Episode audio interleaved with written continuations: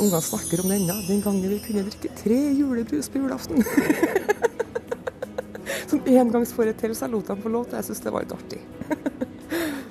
det sier den uføretrygdede alenemoren med sju barn, som knapt nok har hatt råd til dessert på julaften. Inntil hun fikk hjelp fra den årlige juleinnsamlingen. Det skal ikke så mye til for å glede barn. Om det ikke blir hvert år, så er det godt at de har noen sånne opplevelser på trampen av barndommen før de blir voksen.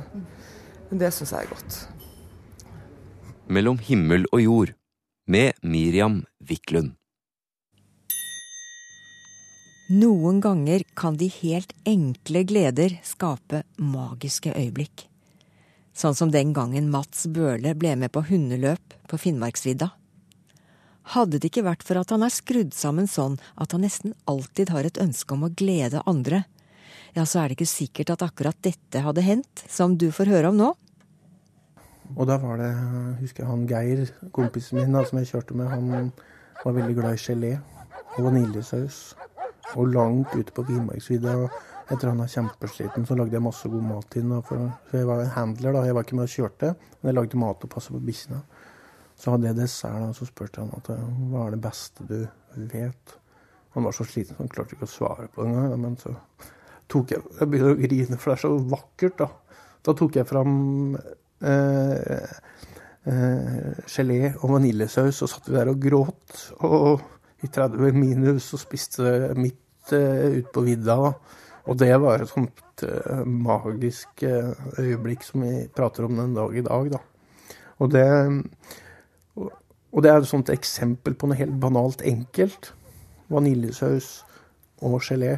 Hva det kan gjøre i noen situasjoner hvor du er sliten og hvor du er, eh, tenker på helt andre ting, så kan det faktisk bare være en softis eller en ispinne eller en sjokolade, ikke sant? Ja, helt enig. Det er situasjonen det kommer an på noen ganger. Og Mats Bøhle er ganske treffsikker når han gjetter på hva folk trenger til enhver tid. Han er nemlig trivsels- og barnesykepleier ved St. Olavs hospital i Trondheim. Og mot slutten av sendinga skal vi bli med ham en tur på jobben for å høre hva han kan finne på for å få syke barn og bekymrede foreldre til å le og kose seg. Mellom himmel og jord søndag. Og nå skal det rett og slett handle om meningen med livet. Livet er mye mer enn å sitte og filosofere og drikke hjemmelaget vin og spille sjakk med en datamaskin. Dette er gruppen unge frustrerte menn og vokalist Eduardo Doddo Andersen.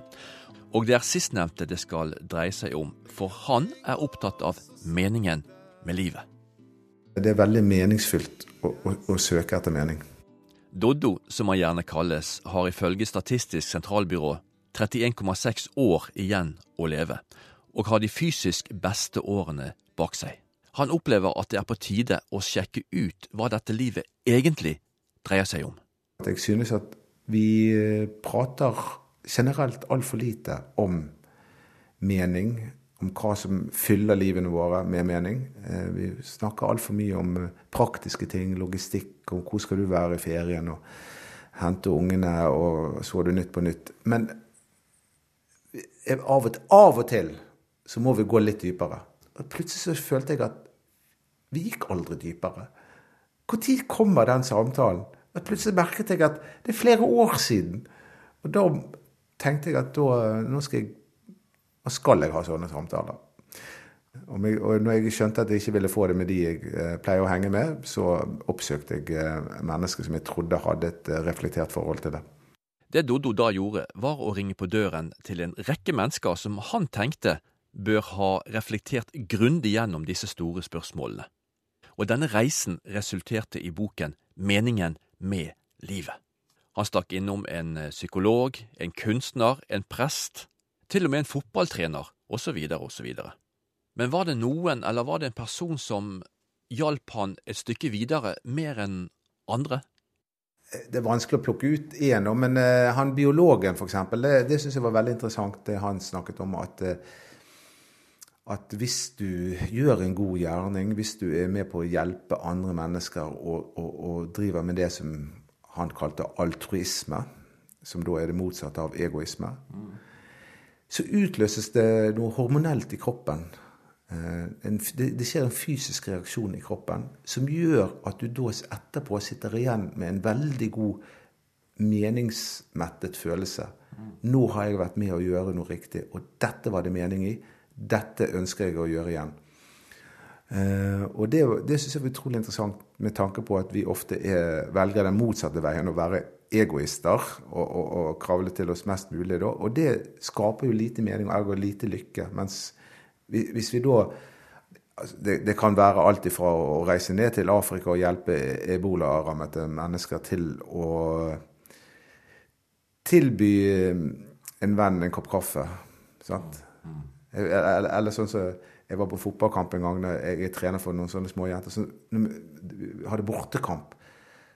Og da, kom, og da hadde det vært rett etter middag. og Jeg tenkte uff, nå hadde det vært godt med en kopp kaffe. Og så plutselig så kommer treneren på det andre laget og byr oss på kaffe. og sånn så der. Og Der fikk jeg en god følelse, og det er helt sikkert bare at hun også gjorde. For hun så gleden eh, hos oss. Så det trenger ikke være noe veldig stort, men det er fint med store ting, og det er fint med små ting også. Fikk du noe hjelp av, eh, av presten, da, f.eks.? Prest og kirke har jo hatt sånn, fall historisk sett, litt sånn monopol på å snakke om noe den meningen, da. Fant du noe der, eller? Nei, altså, jeg må jo innrømme at jeg, at jeg er litt uh, Jeg har jo vært religiøs, det har jeg det, men jeg, jeg, har på en måte, som, som veldig mange andre nordmenn, blitt uh, sekularisert. Og jeg snakket jo også med en religionsviter jeg, jeg, trodde jo det at, at, det er det som er litt bakgrunnen for religioner, at du søker mening med livet. Men uh, det er det kanskje ikke. Altså, det, religion har mente religionsvitere nå, at vi først og fremst har brukt religionen for å skape mening i livet. Fordi at eh, som, en, som, som, noen du søker råd til eller trøst til eller hjelp hos. F.eks. da at hvis det er tørke og avlingene holder på å gå, så, så, så ber du om regn. Mm. Og du ber til Gud om at nå må det begynne å regne, sånn at vi skal få det godt her og nå. Så, det var, så religion har først og fremst vært et uttrykk for å hjelpe mennesker her og nå, ikke i det hinsidige. Det er så mye jeg skulle ha gjort. Men klokken går så sakte og tiden så få. Doddo mener det kan være vel så klokt å snakke om meningen i livet som meningen med livet. Og noe som kan være en ekstra mening i livet, er eh, lidenskap. Lidenskap føler jeg at det er noe du velger. Om du vil gå tungt inn i noe og bruke hele deg og tørre. Om det da så er et kjærlighetsforhold eller et forhold til en fotballklubb, eller om det er i forhold til jobben din. Og hvis du da tar med deg lidenskapen inn i det du bedriver, f.eks. arbeidet ditt, så vil jo du få mye mer igjen. At da vil du oppleve arbeidet så mye mer meningsfylt, og, og, og, og du får, vil helt garantert få et bedre liv. Men hvis du da på en måte er bare sånn halvveis med, så tror jeg at uh, du ikke vil oppleve det på den siden. Og jeg snakker ut fra egen erfaring, for jeg jobbet i flere år, jeg er utdannet lærer og jobbet i flere år som lærer. og Jeg gjorde det jeg skulle, det tror jeg var ingen som klagde på meg. Men jeg kjente sjøl at jeg, jeg, var ikke 100 til stede. Mm. Uh, og ergo så var jeg ikke 100 uh, fornøyd med, med, å være lærer, og, og det tok jeg konsekvensen av. Mm. Og sluttet. Og sluttet. Ja. Det å bry seg om noe du virkelig bryr deg om, det er en del av meningen i livet. Men vi er nødt også til å bry oss om noe som går utenfor oss sjøl, som går utenfor på en måte vår generasjon. Vi er nødt til å bry oss også om noe som får konsekvenser for neste generasjon. F.eks. dette i klimaspørsmålet. At hvis vi vet at ikke neste generasjon får, det, får de samme mulighetene som oss, så vil på en måte dette livet bli, vårt egne liv bli mer meningsløse. Sant? Hvis vi vet at, at menneskeheten tok slutt med oss, så ville jo våre liv blitt helt meningsløse. Vi, må vite at det kommer noen etter oss. vite at de skal få muligheter. Og at de skal få lov til å utvikle samfunnet videre. Um, men det klimaspørsmålet, det vil jeg si er veldig essensielt når vi snakker om meningen med livet. Fortsetter vi sånn som dette her, så, så, så, så setter vi hele menneskeheten på spill. Jeg er ikke lat.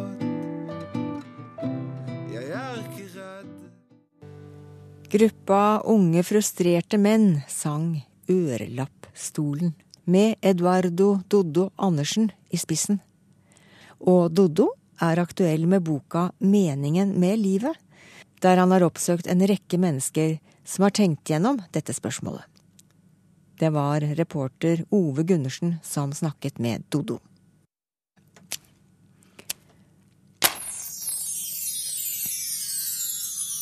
I dag er det første søndag i advent, og julegraner over hele landet tennes. Samtidig starter også Frelsesarmeen sin julegryteinnsamling. Vi avla Frelsesarmeen i Trondheim et besøk under deres juleforberedelser. Vi er på vei ned i kjelleren i Frelsesarmeens hovedkvarter i Trondheim sammen med daglig leder Kjell Arne Falla. Her står med, vet du. Og bare vente på oss her. Pleier vi å ta fram den, den lille, og da blir det større og større etter hvert, for pengene bare øker og øker. Det har vært eh, bortimot 1 million, så har de samla inn 200 000 på Stjørdal. Så 1,2, og vi håper jo på godt over det, da. Det bør vi klare. Og de kommer godt med? De kommer godt med hele året. Vi hjelper jo de fattige i byen. Det gjør vi. Hvordan er behovet i Trondheim? Ja, det ser ut som at behovet ikke bare Det blir ikke mindre. Det, det, i, i, år så er det mange nye norske som har spurt om, om hjelp. Så vi og Veita dagsenteret, for de hjelper rusavhengige, vi gir ut en, et sted av ca. 600 matposer. Og så kjører vi ut ved. Men dere redder julen for en god del år, da, når det gjelder disse matposene? Ja, noen får uh, mye bedre jul. Det, det, er helt sikkert. Diakonmedarbeider Britt-Marit Sundberg holder til én etasje opp. Hun har registrert et økende behov for hjelp. ja, altså i hvert fall nå når det nærmer seg jul, da, så er det jo Det ringes på døra, det ringer i telefoner, vi får masse mail, og vi får til og med brev i posten der folk spør om ulike bidrag da, til julefeiring, julegaver, ja, måter å feire jul på. For det er jo ganske mange som kjenner på den bekymringa nå i førjulstida. At det er kanskje ikke så enkelt å, å feire jul med begrensa midler. Så det, så det, er ikke bare den uh, si, elendigheten vi ser i forhold til rusavhengige i, i gatebildet, men, men, det er også en god del skjult fattigdom? Ja, eh, altså rusbildet i byen det er jo veldig synlig. Eh, den fattigdommen som vi opplever her, er jo mer den eh, bekymringsfulle fattigdommen, syns jeg, der eh, de ikke vet hvordan de skal få mat på bordet. Og kanskje ikke vet hvordan ungene skal få til å delta i, i fritid, f.eks. Det er jo også en kjempebekymring. Det er ikke så enkelt for folk å komme inn og be om hjelp. Det er det ikke. Så, så det er ikke alle som gleder seg like mye til jul som gjerne oss, da? Nei, det er det ikke. Eh, jula er mye lys og mye glede, men den er også mørk og dyster for enkelte. Eh, Ungene er jo en del av uh, et samfunn der ja, det er mye materielt. Og det finnes veldig mange rike barn, kan du si, som har alt. Og så er det de andre ungene som ikke får så mye, og som uh, har foreldre som prøver å jobbe hardt, men det strekker ikke til på den måten, sånn at det kan måle seg da, med resten av, av samfunnet. Så, så, vi ser nok at det er, det er mye fattigdom på den måten. Også ved Kirkens Bymisjon har de det travelt før jul. Det forteller daglig leder ved Bymisjonen i Trondheim, Arild Fehn. Det er mye som skjer nå før jul. Det er jo stor aktivitet hos oss hele året, men det er jo ekstra nå i førjulstida. Mange kommer innom med gaver. Mange melder seg som frivillige til våre julearrangementer. Eh, så vi, vi, vi, tar imot, og vi eh, engasjerer folk som vil, vil, hjelpe til. Dere har jo en eh, aksjon gående hvor publikum kan være med og, og gi. Hva går den ut på? Ja, Det er en juleaksjon som har gått over noen år, og som også går i år. og Den heter 'Gled en som gruer seg til jul'. Og Her kan folk veldig enkelt bidra ved å sende en SMS 'glede' til 2490. Og det som kommer inn, kommer inn, bruker vi til måltider og fellesskap i jula. Det sa daglig leder i Bymisjonen i Trondheim, Arild Fehn. Reporter var Jan Rye Ravnestad.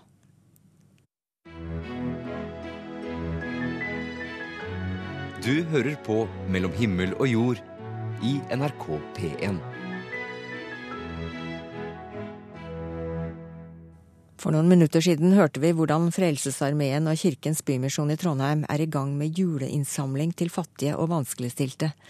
For øvrig gjelder det også Adresseavisen, som samarbeider med Kirkens Bymisjon.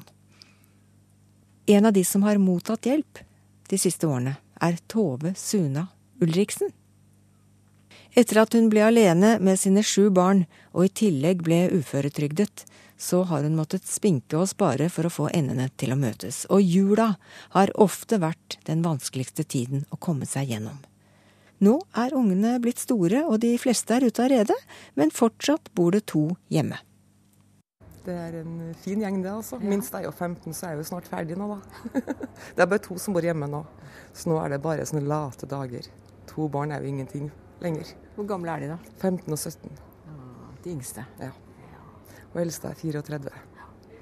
Men å klare seg i dette samfunnet med så mange barn, det er ikke alltid like lett? Nei, det er litt vanskelig, fordi man får jo, sånn som jeg er uførestønad, så får man jo stønad ettersom de barna som bor hjemme. Men likevel så skal man jo kjøpe gaver, f.eks. de andre barna som ikke bor hjemme. Og når du har så mange som meg, så er det jo stadig bursdager. Og det er klart det er min egen feil å få så mange barn, men man tror jo når man får så mange barn at man skal leve i et ekteskap som varer. Man tenker ikke over at det kommer sykdom eller andre ting inn. Så jeg hadde jo aldri planlagt å ha så mange barn og ha dårlig økonomi. Det var ikke planen min. Men eh, når det nå har blitt sånn, så har jeg også fått se hvordan folk sliter. Og jeg har slitt veldig. Og nå føler jeg at det liksom ting er litt på plass i livet, da hvor jeg har en leilighet jeg kan få bo i, som jeg har råd til å betale for. Ehm, den kan er billig, og det må den være, for jeg får ikke bostøtte på en sånn leilighet. Den har ikke bad og do i leiligheten. Men da velger vi å bo der og klare oss sjøl å hoppe over dette som heter for å fly på Nav og bostøtte og alle de tingene der, og heller eh, prøve å ha et mest mulig stabilt liv, rett og slett. Det er godt. Men så kommer jula. Ja, så kommer jula med kalendere og gaver og vennegaver og alt dette her. Og det blir jo en sånn mare i perioder de årene jeg har søkt og fått på Bymisjonen, så har det liksom letta fra skuldrene. Og når vi har snakka om jula etterpå, så er ungene mye mer positive, for de merker at det ikke er noe stress for meg. At man kan kose seg uten at de kjenner at, at, det, at er for dårlig samvittighet. Nå koser vi oss, men vi burde ikke. Sånn den biten der, den slipper de å se at jeg føler på. For man får jo trygda den 12.12., og så skal den vare til 20.1. Og på den trygda skal det også være jul. Og det er veldig vanskelig. Da er det lett å bruke mye på jul, for det er første baugen man står foran, og så kommer januaren, som er vanskelig.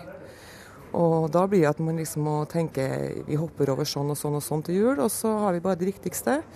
Men når jeg nå har fått søkt der, så har jeg kunnet gjort de tingene òg. For det er viktig for ungene å ha kalendere, å ha julebrus, å ha de tingene som hører med, som de hører alle andre har. De mine barn kan ikke sammenligne seg med gaver. De kan ikke være med på noen sånne sammenligninger, og det er de fortrolig med. De ønsker seg ikke iPhone eller iPad til jul, de ønsker seg penger til det. ikke sant? Og sparer da over tid og får det til. Og det er jo en fin følelse for dem å få det til. Samtidig så er det litt sårt når de skal få dem til å skrive ønskelister til jul, så vet de ikke hva de skal skrive. For hva skal de skrive som er billig nok? Oi. Ja. Så de tar det ansvaret? De, får, de, har jo det. De, de, barn er jo barn. De tar jo ansvar. Mm. Om du vil eller ikke, så tar de ansvar. Så da satt dattera mi og skrev penger til iPhone, eh, morgenkåpe Sånne ting hun trenger. Ja, det er veldig sårt. Og selv om de nå føler at det går greit, og, og vi får ikke strømmen stengt lenger og sånne ting, vi har stabil inntekt, så så føler jeg den sårheten at de ikke kan skrive vanlige ønskelister. Hvordan var jula før dere fikk eh, hjelp? Det var et mareritt. Man fikk til liksom at man hadde brus på julaften og litt godt og sånne ting, og man hadde mat og sånn, og lite gaver. Men da visste jeg hele tiden når vi kosa oss, hvis vi hadde dessert, Så visste jeg det at ja, men da blir det mindre i januar. Og det var en sånn mare. Og så ble det at man lånte penger i januar privat, som man brukte lang tid på å betale tilbake, fordi man har jo en ustabil inntekt når man er på Nav. Men i dag? Ja. Nå?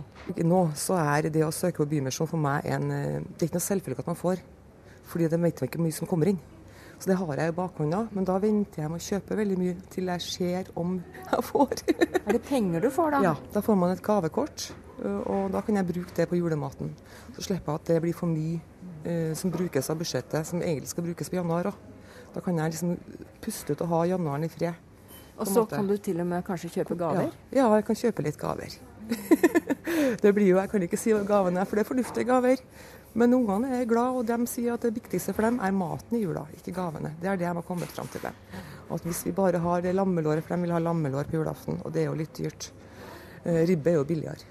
Men hvis de får denne lammelåret til julaften, og hvis de får på innforsamlinga, så venter jeg liksom til da med handle. Da, da er det jul. er det eneste gang i året dere har lammelår? Ja, det, blir for, eh, det er liksom den ene gangen. Og det er en tradisjon vi har holdt på siden vi var gift, for da kunne vi. Og så innimellom så har vi ikke kunnet måtte kjøpt ribbe og andre ting, men når vi får lammelåret, da er det jul. Det syns de. Og første året vi søkte, så fikk vi jo brus fra Dals. vet du. Og ungene snakker om det ennå. Den gangen vi kunne drikke tre julebrus på julaften. Som engangsforrett så jeg lot dem få lov til. Jeg syns det var litt artig. Så liksom det å få en egen flaske med julebrus, det var stas. Altså, så attpåtil tre. og det sitter i dem, og det er godt å kunne vært med på noen innimellom å få noen sånne gode opplevelser. Om det ikke blir hvert år, så er det godt at de har noen sånne opplevelser på tampen av barndommen før de blir voksen. Det syns jeg er godt. Men hvordan, hvordan er det å, å, søke om støtte til julegaver og ekstra penger når du har dårlig råd? Mange skammer seg litt og Ja. Det er jo flaut. Jeg følte veldig på det at det var Bymisjon, at det var en kristen organisasjon. Men etter å ha snakka med dem, så skjønte jeg at det hadde jo ingenting med kristendom å gjøre. Det hadde noe med at folk de ville hjelpe folk, og når Adressa er med på det, så føles det litt mer ja, for alle. Ja. ja. Da føles det mer at det er for alle, på en måte. Er, er jula en religiøs høytid for deg, eller er det noe annet?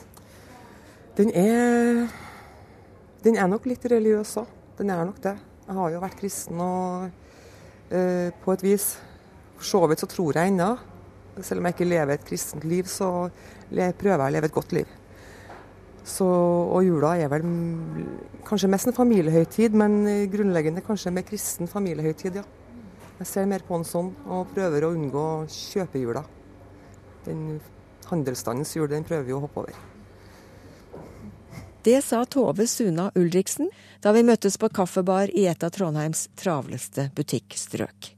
Hun tok et ekstra grep rundt caffè latten da jeg spurte om det var noe hun ville si til slutt som jeg ikke hadde spurt om. Jeg syns det blir litt feil at fokuset på fattige er bare én gang i året. Jeg tenker jo at Hvis man hadde gjort noe med situasjonen ellers i året, så hadde kanskje flere sluppet den biten å søke. For det er jo kanskje flaut å søke, og det er jo ikke en uh, ting du burde gå gjennom egentlig. Så det hadde vært fint om noen fokuserte på det resten av året òg. Nå er tiden kommet for de magiske øyeblikkene. Det kan vi kanskje trenge alle og enhver nå i mørketida. Men mannen du får møte nå, trenger verken stearinlys eller mørketid for å skape magi. Det holder med en robot eller to. Kan du passe deg litt? Jeg skifter retning. Roboten som snakker, befinner seg på St. Olavs hospital i Trondheim. Det kryr av dem i gangene her for de tjener som portører og frakter både mat og utstyr til ulike avdelinger. Å jakte på da, med, ta med ungene ned hit. Nå ser vi roboten her, nå skal han starte inn i heisen. Da. Jeg står sammen med sykepleier Mats Bøhle på Kvinne-barn-senteret. Mats har gjort det til sin livsoppgave å glede andre, og er den eneste her på huset som har ordet trivsel skrevet på navneskiltet han bærer på seg. Trivsels- og barnesykepleier, står det. For Mats har skjønt hvordan han skal få unger til å le, og klekker stadig ut nye ideer. Kan du passe deg litt? Jeg skifter retning. Og så ser du oppe på den, og så er det ikke lov å stå oppå den. Men drømmen min er å ha på meg Supermann-drakt. Og stå oppå en sånn og så kjøre bortover, og så har jeg vifte sånn til flagrer av gårde. Du er litt leken? Ja. Bestandig vært det. Og vil bestandig være det. Det er viktig. Lek forlenger livet, og god latter forlenger livet, som mange pleier å si. Og mange ser jo det at det er så lite som skal til. Bare liksom at de stopper opp og eller gjør noe annet. Eller når vi møter på noen uten last, da, så pleier vi å stoppe dem, da. Og så drar vi bort på um, forsyningssenteret i bånn der, så sitter jo han robotkongen, han som har ansvaret for dem. Og han lar oss noen ganger få lov å styre dem da med joystick. Så da, da får de noe annet å tenke på enn at de er sjuke? Riktig. Og det er det som er eh, viktig mange ganger, da, når du ofte er inne ved sykehuset i lang tid eller flere ganger i året. da. Mm. Det er ikke bare ungene Mats vil glede. Helst vil han gjøre noe for alle. Sånn som den gangen han fikk med seg Kosmorama og en sponsor og skaffet til veie et fem ganger ni meter stort lerret for å vise film fra det store atriumet på bakkenivå, sånn at alle som en, pasienter, pårørende og personale, kunne stå på innsiden av de store glassvinduene i korridorene, fem etasjer oppover, og se film sammen. Borti der, der hvor du ser alle gangene over, der satt det pasienter da, som satt inne. Og så satt det masse pårørende og pasienter og ansatte uti her. Det var jo i september, så det var jo Da så vi på Shrek, da. Den derre grønne figuren som vi følger, da som er en litt annerledes figur og veldig prøver seg på nye ting. og Har med seg et esel og, og vinner prinsessa. Og det er jo en sånn eventyrfilm, så det er jo kjempe, kjempefine filmer. da, Det er jo tre i alt av dem. da. Mm. Hva slags reaksjoner fikk du på det? Nei, Det var kjempepositive reaksjoner. Det var eh, pasienter og pårørende som satt der inne med Vi hadde unger med respirator. Vi hadde jo jeg eh, hadde jo pårørende og noen som var nettopp nyoperert den gangen, og det var eh, kjempetopp da å kunne se dem. Og ikke minst det med at de dem som jobber her, kunne ta med seg da sine barn her og spise popkorn. Og få en fellesopplevelse, en annerledesopplevelse på sykehuset. da. Det er ikke det samme å sitte og se TV? Nei, det blir ikke akkurat det. Nå har vi kommet opp til den eneste sjette etasjen på Kvinne- og barnesenteret. Og her er det ut til frirom, da. Vi går over den rimfrosne takterrassen og inn i det helt spesielle frirommet, formet som et sneglehus.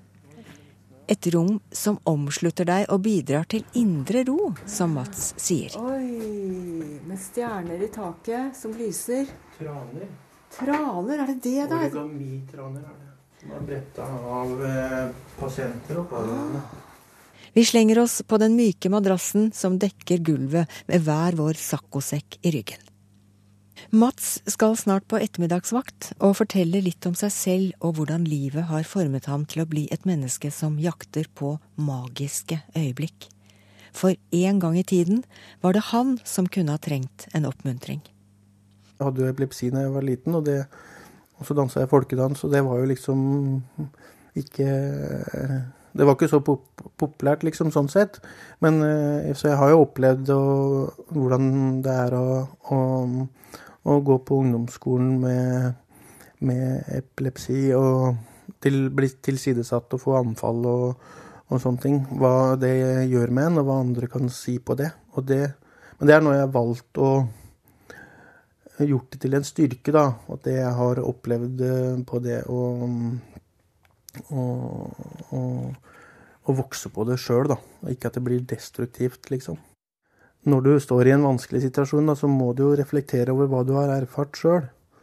Og bruke, bruke, det, da. Og være ydmyk og, og, prøve å sette deg inn. Og det går igjen på empati, da. Og kunne sette deg inn i situasjonen. Men du jobber med veldig sjuke unger. Mm. Og, og selvfølgelig fortvilte foreldre. Hvordan skaper du trivsel i sånne situasjoner? Vi hadde noen nå i året en gutt som aldri hadde kjørt eh, driftingbil, rasebil, og aldri vært oppe i helikopter. For han hadde ikke hatt muligheten til det, for han satt i rullestol. Og da var det en sann glede å se det øyeblikket når han eh, setter seg i det, den gokarten eh, og, og får være med og sitte sitte og kjøre det for første gang. Og liksom å nyte Og du ser bare smilet og alt, hele ansiktet lyser opp. Det er et magisk øyeblikk for han, men samtidig så var det så deilig å se på mor, hvor hun bare Du så på hele hun at hun likte seg, da. Det, da blir det et magisk øyeblikk for meg, for han og for mor, liksom. Og så var det helikopter òg? Ja, han, han fikk flyhelikopter òg, for vi har jo med Sea Kingen her oppe, og det er mange som har drøm om, både fedre og, og mødre og, og barn. Eh, så da kommer 330-skadronen og tar med oss opp på tur. Så det blir også et sånt magisk øyeblikk, da. Eh, men de små magiske øyeblikkene kan jo egentlig bare være også når du kommer inn på et rom og vedkommende sitter og leker, og, og hvor du da bare legger deg ned på alle fire på gulvet og, og blir med i leken, og det, det blir en, en, kjempefin setting, da. Så blir jo det også et magisk øyeblikk, da. Det er noe med det. det. Et magisk øyeblikk er et øyeblikk som vi setter pris på i ettertid, som betyr noe, som er med på å gjøre hverdagen lettere, og noe som du tenker tilbake til når du har det trist og leit. da. Så det er mange hjelpere som er med på det. Og det kan jo være vaskedama som Ja, det er vaskedama her som drev og vaska, så plutselig en dag så var det litt nærmere Når det var halloween, så tok hun på seg et laken og bare slengte over seg og, og vaska rundt. Og det var jo kjempeartig for de ungene der, vet du. Så det var eh, Hva gjør det med de barna?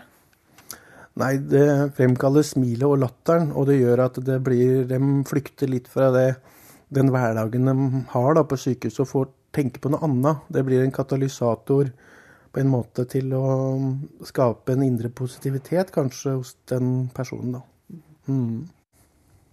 Som barnesykepleier også, så er jeg veldig opptatt av det å se den andre for det den er, og det er også i hverdagen, da. Og liksom anerkjenne at den, den andre, den, de personene jeg møter, det er, de, det er den den er. Og det er også viktig, da, i et sånt møte, det med tillit og anerkjennelse. Så da er, det, da er, det, ikke bare at du er pasient, da er det at du er et individ? Ja, riktig. Ja. Du må se mennesket du, du, må liksom se det friske i det syke. Det er veldig viktig. Ja. Men det er ikke bare de syke barna som trenger å bli sett. Foreldrene kan kanskje ha det vel så vondt, sier Mats. Ja, det er mor som kom inn med en, ny, en nyoppdaga gutt med, som er kjempedårlig med nyoppdaga kreft. Og, og så, jeg så at hun var sliten. Og jeg tilbød hun selvfølgelig kaffe og sånne ting, men så hadde jeg tilfeldigvis meg den dagen tenkt å kose oss litt på nattvakt, så jeg hadde med sjokolade. Og da, da følte jeg bare magefølelsen min. Henta jeg den, og så ga jeg til den. Vet du hva, jeg ser du trenger den mer enn meg, så vær så god. Og da bare Og så kom mora bare var veldig takknemlig. Og så kommer hun tilbake til meg litt år, noen år seinere, for jeg treffer henne i Barnekreftforeningen.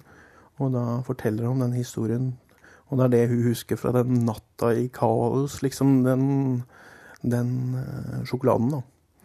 Det handler jo om at vi som helsepersonell, men også alle mennesker, noen ganger kanskje kan gi en kaffekopp eller uh, sette oss ned en lille ekstra om fem minutter, bare være til stede sammen med noen andre, da. Så vil det er det veldig viktig, tror jeg, i dagens samfunn. Mm. Det sa Mats Bøhle, som jobber som trivsels- og barnesykepleier ved St. Olavs hospital i Trondheim. Send oss gjerne en e-post om du har noe på hjertet. Himmel og jord, krøllalfa, nrk.no. Hvis du har en DAB-radio, så får du et gjenhør i kveld klokka 21.03. Men med tilgang på nettet så kan du jo høre oss når som helst via nettspilleren radio.nrk.no. Nedlastbar versjon uten musikk det får du også via nrk.no podkast. Jeg heter Miriam Wiklund og takker for nå. Ha en herlig søndag. Og radiodag, selvfølgelig.